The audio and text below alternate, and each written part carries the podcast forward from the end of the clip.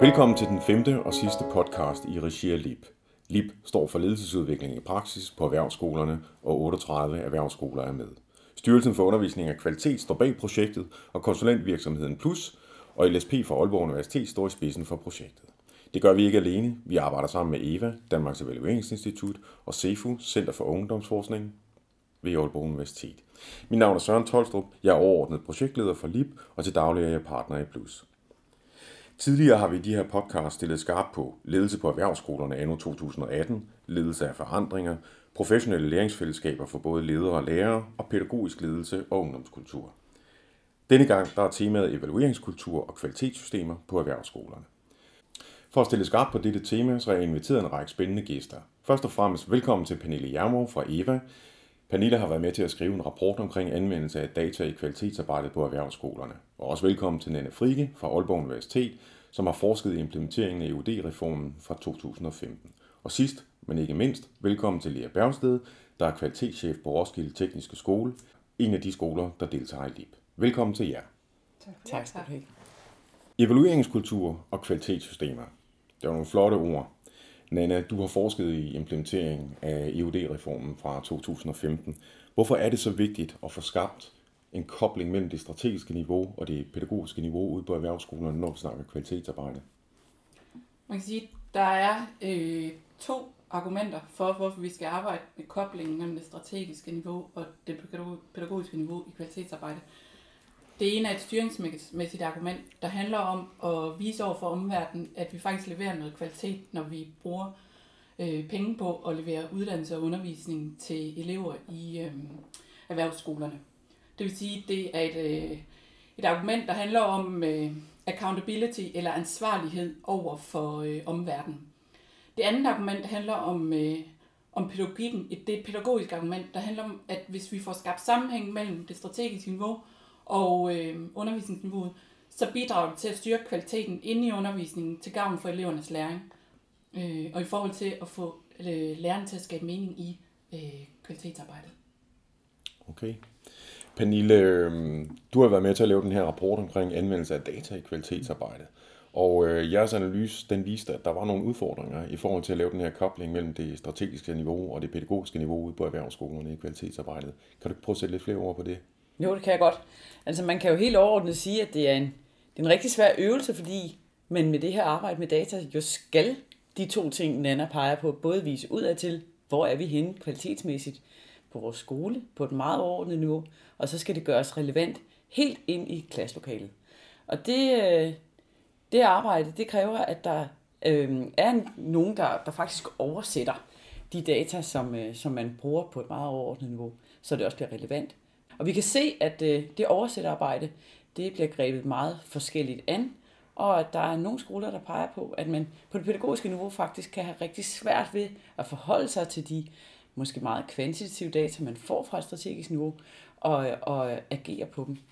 Men at, øh, men at det arbejde kræver, at, at der både bliver udvalgt data, som er relevante, og måske også suppleret med yderligere øh, data, der ikke nødvendigvis er relevante på det strategiske niveau, men som kan være rigtig vigtige i forhold til den pædagogiske udvikling.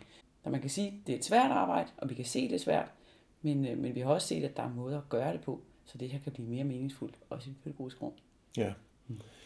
Lea, er det, er det en udfordring, du også kan genkende for dit daglige arbejde som kvalitetschef på Roskilde Skole? Og hvis du har løst den gordiske knude, kan du så fortælle lidt om, hvordan den gordiske knude den er blevet løst? Nu skal jeg fortælle dig det, Søren. Nej, det er sådan, jeg genkender fuldstændig det, som Nana fortæller, og, og, og Pernilles perspektiv fra Evas rapport. Jeg sidder i et felt på en skole, en, en relativt stor erhvervsskole, hvor jeg skal tjene mange herrer. Jeg skal arbejde opad til mod øh, min direktion og min bestyrelse, øh, og udad til mod alle de parter, der er. Vi er jo en partstyret institution, og så skal jeg arbejde indad til og nedad til mod øh, mine kollegaer på lederniveau og mod lærerne. Og så skal det jo allerhelst være sådan, at eleverne kan mærke i deres læringsprocesser, at vi arbejder med de her ting, sådan så de lærer det, de skal. Så jeg kan absolut genkende det. Ja. Hvad gør du så i praksis? Ja, ja, jeg gør en masse forskellige ting, og nogle gange så må jeg øve mig og gøre ting øh, forfra eller anderledes. Jeg gør det i forhold til, øh, til mine lederkollegaer. Jeg er blevet bedre til at øh, tykke data for dem, og data skal forstås bredt i den her sammenhæng. De får serveret mange ting øh, fra controllerafdeling, fra elevadministration og fra, øh, fra direktionen, de skal forholde sig til. Og det er ikke altid, at de selv kan, kan oversætte. De sidder ikke med den ordbog alene, hvor de kan lave den oversættelse. Det har jeg måttet øve mig på at hjælpe dem med. Øh, og det er en rigtig spændende proces at være med i, og, øh, nødvendig, hvis, hvis jeg gerne vil opnå ambitionen om, at eleverne kan mærke det helt derude, hvor de er. Ja. Pernille, jeg, jeg, jeg mener, jeg kan huske, at i jeres rapport, der skriver I en del om, hvordan der findes forskellige måder at organisere arbejde på mm. ude på erhvervsskolerne. Kan du prøve at fortælle lidt om, at, at nogle af de andre organiseringsformer, som I har, I har identificeret i forbindelse med jeres analysearbejde? Jo, altså man kan jo sige, at der er meget klassisk på mange skoler etableret det her, som Lea også fortæller om, nemlig en kvalitetsafdeling, hvor der sidder en masse fuldtidsbeskæftigede folk og kigger på data som deres hovedprimære fokus. Så der er andre skoler, der er, der er gået lidt bort fra det, og øh, har lagt opgaven med at få øh, forskellige datatyper ind ud til uddannelseslederne eller de pædagogiske ledere. Det vil sige, at det er blevet en opgave, som man i det pædagogiske udviklingsarbejde skal lægge oveni, om man så må sige. Og de to forskellige måder at organisere det på, giver nogle meget forskellige forudsætninger for at få data bragt ind i det pædagogiske rum.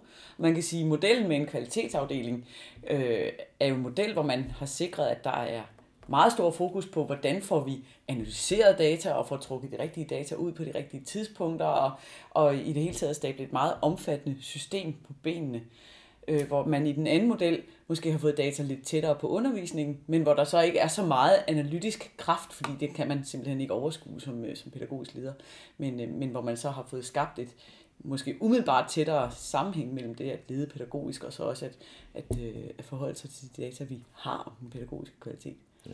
Vi snakker rigtig meget om data, og I snakker også om anvendelsen af data i kvalitetsarbejdet. Lea, du snakker om, øh, om data i bred forstand. Nana, Øh, I den forskning, du har lavet omkring øh, EUD-reformen, kan, kan du lige prøve at sætte lidt ord på, hvad er det egentlig, der er omkring datakrav, hvis man bare kigger ind i selve reformen? Altså. Jamen, altså i selve reformen, der er krav om, at øh, skolerne skal levere data ind i det, der hedder et datavarehus i undervisningsministeriet. Og det er et øh, stort system, som rummer data på tværs af alle skoler. Og så er det meningen, at skolerne skal Tanken er, at de skal kunne sammenligne sig selv med andre skoler med henblik på at blive inspireret og motiveret til at styrke intern kvalitetsarbejde. Mm. Øhm, og derudover så ligger der også øh, kvalitetskrav øh, om at styrke kvaliteten af undervisningen. Ind i det pædagogiske rum, ind i klasseværelser og værksteder skal de arbejde med kvaliteten, men det er ikke specificeret ned i metoder og didaktikker. Det er op til den enkelte skole, hvordan de vil udmønte den del af reformen. Så de data, man kan sige, at reformen lægger op til og sådan set stiller et værktøj til rådighed for, det, det er primært op mod det strategiske niveau, at, øh, at de data eksisterer. Ja, det er de brede kvantitative data, som ligger der, og det kræver noget oversættelsesarbejde, som Pernille og Lea så fint beskriver, for at skabe mening ned i lærernes pædagogiske praksis og elevernes undervisning, for at kunne, kunne bruge dem i den pædagogiske udvikling. Hvad gør I så ude på Roskilde Tekniske Skole i forhold til at kunne oversætte det ned i, i forhold til det pædagogiske niveau, når nogle af de data, man kan trække ud af datavarehuset eksempelvis, at de så primært retter sig mod det strategiske niveau? jo, øh, jeg kan lave et eksempel fra vores seneste elevtrivselsundersøgelse efteråret 2018, hvor vi laver dataansamling i uge 40 til 46 hver eneste år på alle erhvervsuddannelserne. Det genererer et samlet tal for skolen til Ministeriets Datavarehus, og vi endte i 2018 på et tal, der hedder 84. Bum. Øh, hvad skal jeg dog? Jeg har 5.000 elever, altså CPR-nummer på et år, og vi genererer et elevtrivselstal på 84. Hvad skal jeg dog stille op med det? Så det jeg gør, det er, at jeg, jeg sorterer data på uddannelser og på niveauer. Så jeg har for eksempel ender med at have nogle klumper, for eksempel tømmernes grundforløb, mm-hmm. eller øh, industriteknikernes hovedforløb. Og de klumper af data, dem øh, samler jeg og tykker. Jeg samler tykker, hvad er det eleverne skriver, hvad svarer de på, når de øh, svarer på oplevelsen af de fysiske rammer, eller oplevelsen af sammenhæng mellem praktik og teori. Det tykker jeg øh, og skriver simpelthen ned, hvad det, jeg læser. Jeg forholder mig helt upartisk til det, for jeg kender ikke de elever, der sidder derude. Så holder jeg et møde med uddannelseslederen på området og fortæller ham, hvad jeg tykker. Hvad er det, jeg har læst, når jeg læser, uden at vide noget som helst i virkeligheden. Øh, og så, så taler jeg med ham, hvad ser han? Hører han og ser det samme som mig, eller kan, har han nogle forklaringer på, hvorfor jeg ser det, jeg ser i data? Øh, og så skal jeg skabe en refleksion sammen med ham. For det han skal gøre, når jeg er gået, det er jo sammen med sine lærerteams, at tale om, øh, når vi nu ved det, vi ved nu, for eksempel eleverne, øh, de er utilfredse med, med det undervisningslokale, de har, så skal vi jo finde ud af, hvad gør vi så? Har vi nogle muligheder for at reagere på det udsagn fra eleverne, eller må vi acceptere det, er sådan det er, og så fortælle eleverne, at det er bare sådan, det er, vi kan ikke flytte lokale. Altså de skal finde ud af, har vi et handlingsrum, eller har vi ikke et handlingsrum? Det skal jeg ikke gøre, men jeg er nødt til at hjælpe uddannelseslederen med at forstå, hvad det er, eleverne putter ind i det her data, fordi det bliver for abstrakt for uddannelseslederne, og de har også tusind andre opgaver. Så det er en hjælp, ja, det er en service, jeg yder. Ja. Og hvad så, når du skal kommunikere data opad til, eksempelvis til, øh, ja, til din leder og til jeres bestyrelse? Gnasker du så også øh, oversætter også i opad, rent ud sagt? Det gør jeg faktisk. Øh, jeg har øh, senest, har jeg, når jeg lavede undervisningsevaluering, det er jo også i omegnen af 5.000 CPR-numre, der hælder data ind i system. Øh, i nogle sorterede grupper. Det er igen tømmernes grundforløb, og der er vi faktisk helt nede på klasseniveau. Det kan jeg aggregere, det gør jeg på halvårsniveau, og, og giver lederen og fortæller lederen, her kan du se dine elever på en af vores uddannelser, for eksempel øh, sidste år, hvor eleverne angav, at de oplevede øh, undervisning som relativt gammeldags og sådan, øh, sådan asymmetrisk magtkommunikation fra lærerens side mod eleverne. Det skaber noget refleksion forhåbentlig i den lærergruppe at de skal tale om, hvad er det, hvor, hvad er det for en tilgang, vi har til eleverne rent pædagogisk? Er vi måske gået hen og blevet lidt for tro mod bekendtgørelsesstoffet? Det her, det skal I altså bare lære, fordi det står der. Og skal vi måske vende vores øh, perspektiv didaktisk, så eleverne oplever mere mening, og vi så stadigvæk kan nå uddannelsesmålene. Bevares, det kan lade sig gøre, men det handler måske om, hvilken tænkning man har øh, i lærergruppen. Det skulle den leder have hjælp til via aggregeret øh, tal, til at kunne se, at der faktisk var noget på spil her for eleverne.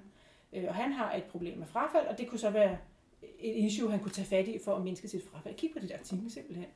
Okay. Så det går både op og ned. Og i forhold til, til selve sådan databegrebet, altså så sådan lidt, lidt firkantet sagt, ikke? Altså, så kan man navigere med nogle kvantitative data, og man kan selvfølgelig også navigere med nogle kvalitative data af forskellige karakterer når vi er i det strategiske rum, altså hvad, hvad er det så typisk for nogle data? Der, hvad viser jeres undersøgelse, Pernille, omkring, hvad det er for nogle data, der bruges der? Ja, men der er det typisk de øh, kvantitative data, altså de data, der, der giver et overordnet mål for frafaldet, for optag direkte fra grundskolen osv. De, de indikatorer, der i princippet øh, øh gælder for den enkelte skole i forhold til de mål, der ligger for EUD-reformen. Dem følger man med i, og det er dem, man, øh, man ønsker at øh, forandre på skoleniveau. Men når man kommer ned i det pædagogiske rum, så er de data, de kvantitative data, ikke forklarende data. Og det, som Lea peger på, er jo netop, at man i den proces, de havde, fik øjnene op for, jamen der var noget asymmetrisk magtkommunikation på spil. Og det er jo ikke noget, man får at vide gennem en frafaldsstatistik eller en overgang til hovedforløb, der er ved at falde. Det får man jo kun at vide, hvis man taler med eleverne. Eller for, på anden vis får andre typer data ind. For eksempel interviews med elever, observationer og undervisning, altså kvalitative data. Det er man typisk kvalitative data. Er det også sådan der hos dig, Lea? Er det også typisk de kvantitative data, som du bruger i den der ledelse opad? Øh, eller, eller får I også på mærkværdig vis integreret nogle kvalitative data? det vil være sådan, at øh, jo højere op jeg kommer i hierarkiet, jo mere forsimplet bliver ja. min datafremlæggelse. Så ja. det, jeg fortæller bestyrelsen hver år i januar, som er det møde, jeg deltager på, det er jo altså, det er noget retning af en dias, en PowerPoint dias, hvor alle nøgletallene, de fire klare mål for reformen, de står, og så har jeg faktisk været så pædagogisk at gøre det sådan en grøn pil op, eller rød pil ned, eller gul pil lige ud, hvis tallene i forhold til sidste år er enten forbedret, forværret eller det samme. Ja. Det er det, bestyrelsen forholder sig til. Ja. Øh, så, så det vil jo, så det er mere nuanceret, jo længere ned jeg kommer i hierarkiet sådan organisatorisk. Ja. Og sådan en skole, som jeg er på, er relativt hierarkisk øh, inddelt. Ja. Nana, i, i din forskning, har du sådan fra, da du startede med, med at dykke ned i det her, og så til der, hvor vi er nu her i 2019, er der, er der sket nogle bevægelser i forhold til, til datatyper og balancer mellem, mellem kvantitative og kvalitative data, som man anvender i kvalitetsarbejdet? Ja og nej. Altså, da jeg startede tilbage i 2007 med at skrive en PhD om evalueringspraksis i erhvervsskoler, der lavede man på eget initiativ elevtilfredshedsmålinger – og de er jo så med reformen blevet institutionaliseret og blevet til trivselsmålinger, samtidig med, at man har rullet et datavarehus ud. Så på den ene side, så synes jeg, at der er kommet en tiltagende fokus på det kvantitative og brede øh, perspektiv i data, men, men samtidig er der sket nogle bevægelser nedefra, fordi man ude på skolerne har fundet ud af, og det var også det, jeg så i min PhD, de her kvantitative data, de kræver et oversættelsesarbejde, og de skal øh, ud til lærerne, og der skal genereres nogle data ind i klasseværelset og ind i værkstedet, for at vi kan oversætte dem og bruge dem til, til pædagogisk kvalitetsarbejde. Mm. Så, så, så samtidig med, at, at der er sket en institutional, institutionalisering af det kvantitative dataarbejde, så er der sket en vækst og et øget fokus på det kvalitative. Er det noget, som du også kan se ud af jeres analyse, Pernille? Ja, altså vi kan jo særligt se det her med, at de kvantitative data fylder rigtig meget, og det er jo fordi, dem skal man arbejde med. Men vi kan også se, at der på flere skoler er et stort fokus på det her med at få observationer og interviews sat i spil. Det gør man typisk så ikke på alle uddannelser, men man har nogle uddannelser, hvor man gør det i en periode, og så flytter man måske fokus hen på nogle andre uddannelser, hvor man så der i en længere periode er i gang med noget observation eller kommer tættere på undervisningen. Så vi kan se, at de kvalitative data eksisterer i det systematiske kvalitetsarbejde på skolerne. Det er ikke så udbredt som det at arbejde med kvantitativt. Men kan man, kan man sige, at det trods alt udtrykker en eller anden form for en professionalisering af en evalueringskultur på, på skolerne? Altså det er helt klart det billede, vi har. Vi lavede også i 2006 en undersøgelse af, hvordan det gik med kvalitetsarbejde på erhvervsskolerne. Og der var man trods alt i gang, men stadig i en opstartsfase, hvor man forsøgte at implementere forskellige sådan afprøvede systemer fra, fra, øh, fra industrien, eller altså ISO 9000 og hvad det ellers hed dengang. Og det er man jo gået bort fra. Så, så det vi ser nu, det er systemer, der i princippet øh, er etableret på den enkelte skole, med de behov, der er på den enkelte skole, men, men med et, et fokus på, hvad er det for et formål, det skal tjene på skolen. Så, så, og det er jo en professionalisering, om man så må sige, et blik for, hvad er det, det her egentlig skal. Lea, det er også det, du oplever i praksis. Nu ved jeg ikke, hvor lang tid du har været ude på, på Roskilde Tekniske Skole, men, men kan du genkende det der billede af en mere, hvad skal man sige, professionel evalueringskultur ude hos jer? Jamen bestemt, bestemt. Øh, skolerne tager det mere seriøst, oplever jeg nu, og vi har jo lavet nogle nationale netværk af kvalitetsmedarbejdere, hvor vi inspirerer hinanden, supporterer hinanden, øh, coacher hinanden, øh, og på den måde også hjælper til sådan en tværsektor kompetenceudvikling. Der er ikke rigtig nogen andre steder at gå hen og lære det, øh, fordi skolerne typisk har en, to folk siddende på de her øh, roller her. Ja. Okay. Så det, jeg hører jer sådan set sige, det er, at ja, der over tid, så er der sket en professionalisering af, af kvalitetsarbejdet, herunder også med dataanvendelsen, og sådan set også en, en bevægelse fra, at det primært har været kvantitative data, til man også begynder at integrere nogle, nogle kvalitative data i det. Øh, og der faktisk også lige så stille begynder at udvikle sig en, en positiv evaluerings, evalueringskultur. Mm. I hvert fald i forhold til det strategiske niveau, men også via nogle oversætterøvelser ned i forhold til det pædagogiske rum. Godt. Her i den første del af vores podcast, der har vi jo ligesom snakket en del omkring kvalitetsarbejdet, primært i forhold til arbejdet i forhold til det strategiske niveau, og så det oversætterarbejde, der er ned til det pædagogiske niveau på skolerne. Lea, du, du sagde, at øh, du havde nogle samtaler med afsæt i nedbrudte data osv., det havde du så med dine øh, uddannelsesledere, eller pædagogiske ledere, hvad I nu kalder dem. Hvad er så den videre rejse derfra? Hvad, hvad, hvad, hvad gør jeres medarbejdere så, de pædagogiske ledere og uddannelseslederne ude på Roskilde Teknisk Skole? Ja, så burde jeg også sådan set kunne læne mig tilbage og håbe på det bedste, ikke? at nu klarer de den derfra, men sådan øh, er verden sjældent. Øh, rollen som kvalitetschef eller kvalitetsmedarbejder er jo både en service og en kontrolinstans. Ikke? Så jeg har også jeg har også behov for den anden vej, at, øh, at arbejde med nogle af medarbejdergrupperne, også udenom uddannelseslederne, der jo egentlig har hånd og halsret over de her medarbejdere, for at sikre, at de også på tværs har den kvalitet, øh, der skal leveres til eleverne. For det hele handler om elevernes læring, det skal vi huske på. Det handler ikke kun om at lave en fed undervisning, det skal jo også ind i hovedet på de her unge, de skal kunne et eller andet. Så det vi blandt andet gør, det er, at vi har sådan nogle tværgående grupper. Øh, som et eksempel, så mødes jeg med alle matematiklærerne. Mm-hmm. Øh, ofte, og vi taler om matematik, didaktik, matematik materialer, matematik undervisningsmetoder, øh, matematik eksamen, prøvesæt, øh, hvordan er man en god øh, sensor, og, og alt, der handler om deres rolle. Jeg har brug for, at de øver sig sammen og bliver dygtige som et fællesskab, som fagprofessionelt fællesskab. Så det følger jeg simpelthen med i, også selvom det ikke er mig, der har personaleledelse over dem. Okay. Mm. Nana, jeg ved jo, at du også underviser på øh, Master i Pædagogisk Ledelse. Der har vi jo netop nogle af de her pædagogiske ledere og uddannelsesledere, som kommer og, og deltager i jeres undervisning op på, på Aalborg Universitet. Hvad, hvad er det for nogle metoder og greb, som I forsøger at, at lære, lære deltagerne i uddannelsen? Jamen, vi forsøger faktisk at klippe på til at stå i den her kobling, som vi har fokus på i den her samtale, netop mellem det strategiske niveau og det pædagogiske niveau. Øh, og det gør vi ved hjælp af for eksempel øh, Vivian Robinsons tænkning omkring elevcentreret ledelse. At man har en ledelsestænkning, der tager afsæt i den enkelte elevs behov, udvikling, læring, øh, trivsel, og at øh, man så rammesætter øh, ledelsesopgaven med henblik på, at alt hvad vi gør, det skal gavne den enkelte elevs læring, og det skal gavne holdets læring, og det skal gavne holdets trivsel. Øh, og med den måde at tænke på, så får man et, pædagogisk øh, styringsredskab i sin daglige drift af skolen, og i sin daglige brug af data, øh, og i sin daglige økonomiske prioritering også. Mm-hmm.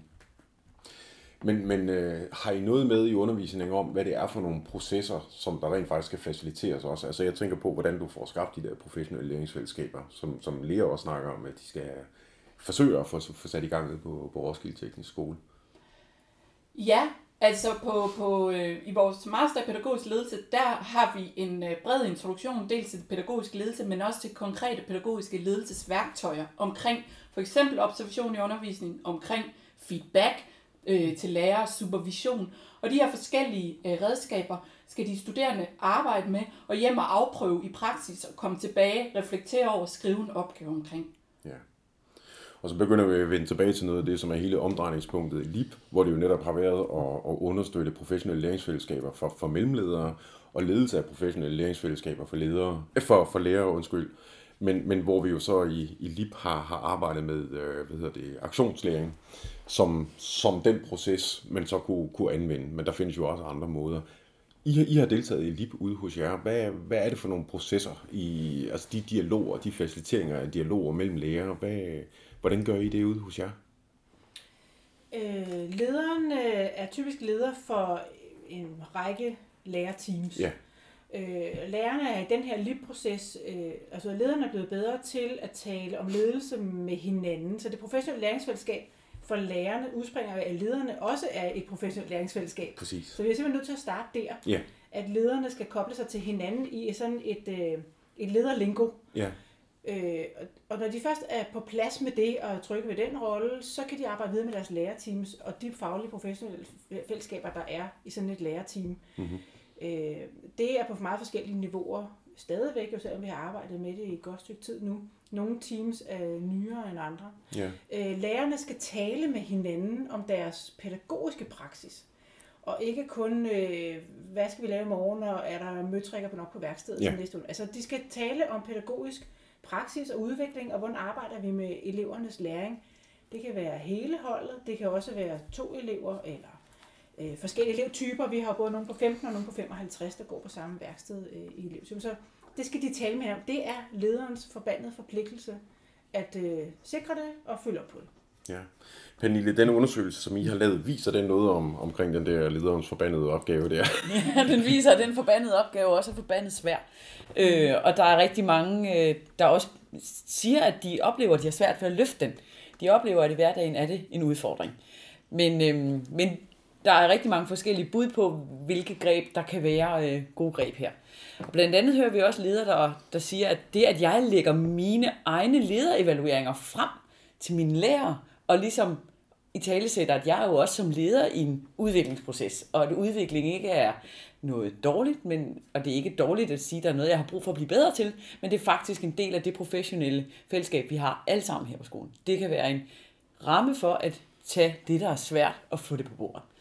For det her med at inddrage data, det handler jo også langt hen ad vejen om at tage det, der faktisk gør allermest ondt i hverdagen. Det, at elever oplever, at undervisningen ikke øh, rammer dem, eller det, at elever falder fra, det er jo noget af det, der er faktisk en rigtig ærgerlig ting ved, øh, ved, ved et ellers rigtig godt arbejdsliv, hvis det, man gør, ikke rammer de elever, man gerne vil ramme. Så det er jo nogle svære diskussioner, og det er nogle svære diskussioner, man som leder skal tage, tage ansvaret for at få sat værk. Men, men at få i tale at man som leder er der også, hvor man også som leder skal udvikle sig, ja. kan være en del af arbejdet. Ja. Nana, når I, øh, når I underviser på, på Master i Pædagogisk Ledelse, og I kommer ind på databegrebet, og hvad for nogle data, der er særlig relevante i forhold til den, den pædagogiske udvikling, altså den kvalitetsudvikling, som virkelig har noget med, med kerneopgaven at gøre. Hvad, hvad er det for nogle værktøjer og tilgange og metoder, som, som I introducerer øh, lederne til? Jamen, det er forskellige værktøjer ud fra den her grundlæggende præmis om, at vi skal have noget viden om, om det gør en forskel, det vi gør inde i undervisningslokalet og inde i værkstedet. Vi skal have et af de spørgsmål, der guider meget af vores undervisning og, og tænkning, det er det der med, hvordan ved du som lærer eller leder, at det du går og gør fra dag til dag gør en forskel hos dem, der er slutbrugere, nemlig eleverne. Hvordan ved du, at de lærer det, du gerne vil have, de skal lære? Og for at man kan få viden om det, så introducerer vi nogle metoder, der kan handle om for eksempel at, at lave observationer i undervisning. Det kan også være sådan nogle mikro øh, aktioner, hvor man øh, beder eleverne om at registrere, hvor meget har de fået ud af i dag med post-it-sædler. Eller det kan være øh, fokusgruppeinterview med eleverne omkring, hvordan de oplever nogle bestemte øh, pædagogiske aktiviteter i undervisningen. Så vi introducerer forskellige datametoder øh, af kvalitativ karakter, som man kan arbejde med. Okay, og det var så lige præcis nogle data af kvalitative karakterer, som så går ind og understøtter nogle af de kvantitative data, som eksempelvis ETU'en er, er udtryk for. Er det også det, I gør ud på Roskilde Teknisk Skole? Ja, og det foregår både på et organisatorisk plan, det foregår også på sådan et mikroplan, altså på, på klasseniveau. På øh, et større organisatorisk plan, der kan jeg nævne, at jeg er i gang med at lave en kvalitativ undersøgelse af vores øh, EUX. EUX er en svær størrelse at have med at gøre, rent organisatorisk, fordi det består af rigtig mange elementer, der skal spille sammen i et meget langt forløb. Øh, og der øh, har vi haft nogle fortællinger som skolesektor om EUX, hvorfor det er svært, og ja, de unge de vil bare gerne læse videre til maskinmester, og mester gider ikke have dem, og de vil bare gerne have X-fagene og alt sådan noget. Der har jeg sat mig ned og interviewer de her unge. Dem, der startede i sommer på Grundflip 1 i 2018, der følger jeg i to år og interviewer dem jævnligt. Og nu, allerede nu finder jeg ud af, at der er nogle andre fortællinger, vi har glemt at have fokus på. Og de unge synes ikke, det er så svært. Og de unge, de opfatter på en anden måde, end vi gør. Som skole og som voksne. Vi skal simpelthen øh, ændre vores mindset. Men det foregår også på mikroniveau, hvor en lærer taler med sin klasse om, øh, nu giver jeg dig som elev feedback, så skal du som elev give mig som lærer feedback på, hvad det er for en feedback, du har oplevet. Altså så, så man laver sådan nogle loops, nogle læring loops, hvor elev og lærer øh, samtaler om, altså på et metaplan også om, hvad det er for en læring, der foregår. Det er jo også en slags mikrokvalitativ øh, øh, undersøgelse, som faktisk bliver dokumenteret i elevens elevplan under sådan nogle forløbsbeskrivelser. Ja. Så det foregår på mange niveauer. Pernille, i jeres analyse af anvendelse af data i kvalitetsarbejdet, hvad, hvad viser den egentlig om de kvalitative data? Du har sagt det der med, at der var en, en balance i retning af de kvantitative data, men, men i forhold til de kvalitative data, hvad, hvad viser jeres analyse der, og, og hvad anbefaler I egentlig? Øh, for jeg ved også, at jeg så har brugt øh, slutter af med nogle anbefalinger. Jamen, den anbefaler, at, øh, at man har fokus på, hvad det er for nogle yderligere datakilder, man kan sætte i spil. Altså det overhovedet at gøre, som Lea siger, og få i talesat, at jamen, det er jo også data, når vi taler med vores elever, og hvis vi får det skrevet ned, så kan vi faktisk bruge det rigtig tydeligt ind i vores teamsamarbejde. Så kan vi tage det med og bruge det som et fælles afsæt, når vi taler om pædagogik i teamet. Øh, så vi anbefaler jo, at man har fokus på, at der er mange former for data derude, og det er rigtig vigtigt at få sat det i spil, som man, som man kan få sat i spil, uden at det skal være en kæmpe stor ekstra byrde. Det er jo også det, der er rigtig vigtigt at sige, at det er jo heller ikke fordi, vi nu sidder og taler om, at, at data kan løse alting. Det kan det slet ikke. Data kan ingenting i sig selv. Men det, der er rigtig vigtigt, det er jo at få nogle gode pædagogiske udviklingsprocesser øh, i det enkelte team, som også øh, forholder sig til de data, der er, men som også forholder sig til det på en måde, hvor den pædagogiske samtale bliver det allermest centrale element i det. Og viser jeres analyse noget omkring, hvad det er for nogle processer i lærerteam, som så rent faktisk øh, understøtter det? Altså det, noget af det, som vi øh, kan se er en udfordring lige nu, det er faktisk det her med at have tillid til de data, man bliver præsenteret for. Altså at man som lærer også øh, oplever, at det resultat, man får fra elevtrivselsundersøgelsen, bygger på, at nogle elever har vidst, hvad de har svaret på. Der er mange lærere, der, der, der ligesom er, kan være hurtige til at afvise en trivselsundersøgelse, fordi de oplever, at eleverne alligevel ikke har vidst helt, hvad det var for nogle spørgsmål, de blev stillet. Så hvis man skal arbejde mere med, at, at den her type data skal blive et konstruktivt element i den pædagogiske samtale, er det klart, at man bliver nødt til at arbejde med, om eleverne faktisk er klædt på til at svare ordentligt på det. Det er fuldstændig afgørende, er, at man kan have tillid til den alle de mange former for data, man bliver præsenteret for. Og det er jo ikke altså et, øh, et problem, at lærerne er kritiske. Det har, det har de måske rigtig god grund til at være. Men det er jo noget, man bliver nødt til at være opmærksom på som skole, hvis man skal have de her former for øh, processer til at blive meningsfulde og til at give en ekstra værdi. Så, så tillid til data bliver nødt til at skabe ved at have ordentlige data. Ja. Ikke ved at skabe tillid til noget, der, der er uklart. Godt, ja, vi skal til at runde af, men der er alligevel en ting, jeg er lidt nysgerrig på her til sidst, fordi nu har vi snakket om data og bestyrelser, data og topledelse, data og kvalitetsledelse, og data og pædagogisk ledelse og lærerne. Men hvad med eleverne? Hvordan, hvordan har de det egentlig med at både at skulle bidrage med, med data, og ja, du siger, at de skal, de skal klædes på til at kunne give, men de jo ikke de er jo ikke dumme, eleverne, og hvordan har de overhovedet med at blive involveret i dybest set udviklingen af den kerneopgave, som vedrører deres egen læring og trivsel? Jamen det vil de rigtig gerne, faktisk. Men de vil gerne vide, hvad det skal bruges til, og de vil gerne vide, at det bliver brugt. Ellers så resignerer de. Jeg har oplevet øh, en, øh, nogle elever var meget engagerede, da jeg skulle lave sådan nogle små instruktionsvideoer til vores undervisningsevaluering. Der har jeg lavet en video til lærerne, sådan gør du, når du evaluerer med dit hold, og jeg har lavet en video til eleverne, sådan er det, når du skal svare på evalueringen. Øh, og dem kan man så vise i klasserne. Og der har jeg spurgt nogle af vores elever, om de ville komme og være med i sådan en videooptagelse. De skulle bruge en hel eftermiddag, de fik ikke noget for det. Og jeg ville gerne have de stillet i arbejdstøj, så man kunne se, hvem der var gardner og hvem der var murer. Og det gjorde de. Og det var jo bare sådan en dummy. De skulle bare lade som om. Men det kunne de simpelthen ikke. De ville meget gerne øh, til ord, og de begyndte faktisk at diskutere indhold, så det endte jeg var nødt til, jeg kom hjem med en dosmer med alle mulige ting. De har givet mig input, jeg skulle lave anderledes som skole. Så de vil rigtig gerne, selv når de ved, at det er en konstrueret situation. Men de vil vide, at det skal bruges, og hvad det skal bruges til. De vil tage seriøst simpelthen. Det er jo sådan set ikke så mærkeligt. Øhm, tusind tak, fordi I kom her. Men jeg vil nu alligevel lige spørge Nana, hvad, hvad, hvad tager du egentlig med dig for den her snak, vi har haft i dag? Jeg tager med mig, at øh, data, øh, som Pernille sagde før, de er gode øh, i forhold til at, at skabe sammenhæng i organisationen, men det er også et øh, kæmpe stykke arbejde at, at bruge dem på en fornuftig måde, der både skaber tillid og mening, øh, både horisontalt og vertikalt i organisationen, og det kræver, at man tænker sig om. Og det er ikke, det er ikke øh, et, noget, man øh, bare lige gør øh, for at skabe en god evalueringskultur. Det er noget, man skal arbejde systematisk med. Og dig, Pernille, hvad tager du med fra i dag?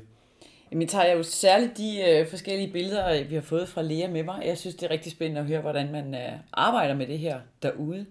Og øh, vi vil inde på Eva glæder os til at følge endnu mere med i, hvad er det, der sker med det her dataarbejde fremadrettet. Og dig, Lea? Øh, min betragtning øh, nok er rigtig, at vi skal have mere fokus på eleverne og på længere processer, på kvalitativ data og på hjælp til tykning af den kvantitative. Så øh, den øh, modningsproces, sektoren øh, har været igennem de senere år, som Nana også beskriver, øh, den peger nok mere i retning af, at vi kigger mere og mere på eleverne og på dialog og samtale, øh, og mindre på kun på frafaldsstatistikker. Mm. Godt. Jamen så vil jeg bare sige tusind tak til Lea Berstødt fra Roskilde Tekniske Skole, og Nanne Frike fra Aalborg Universitet, og Pernille Jammer fra EVA. Øh, og til jer lyttere, så vil jeg sige, at I kan gå ind på den nye EMU på www.emu.dk. Her ligger de øvrige podcasts, fra, som også er blevet udgivet i regi af LIB.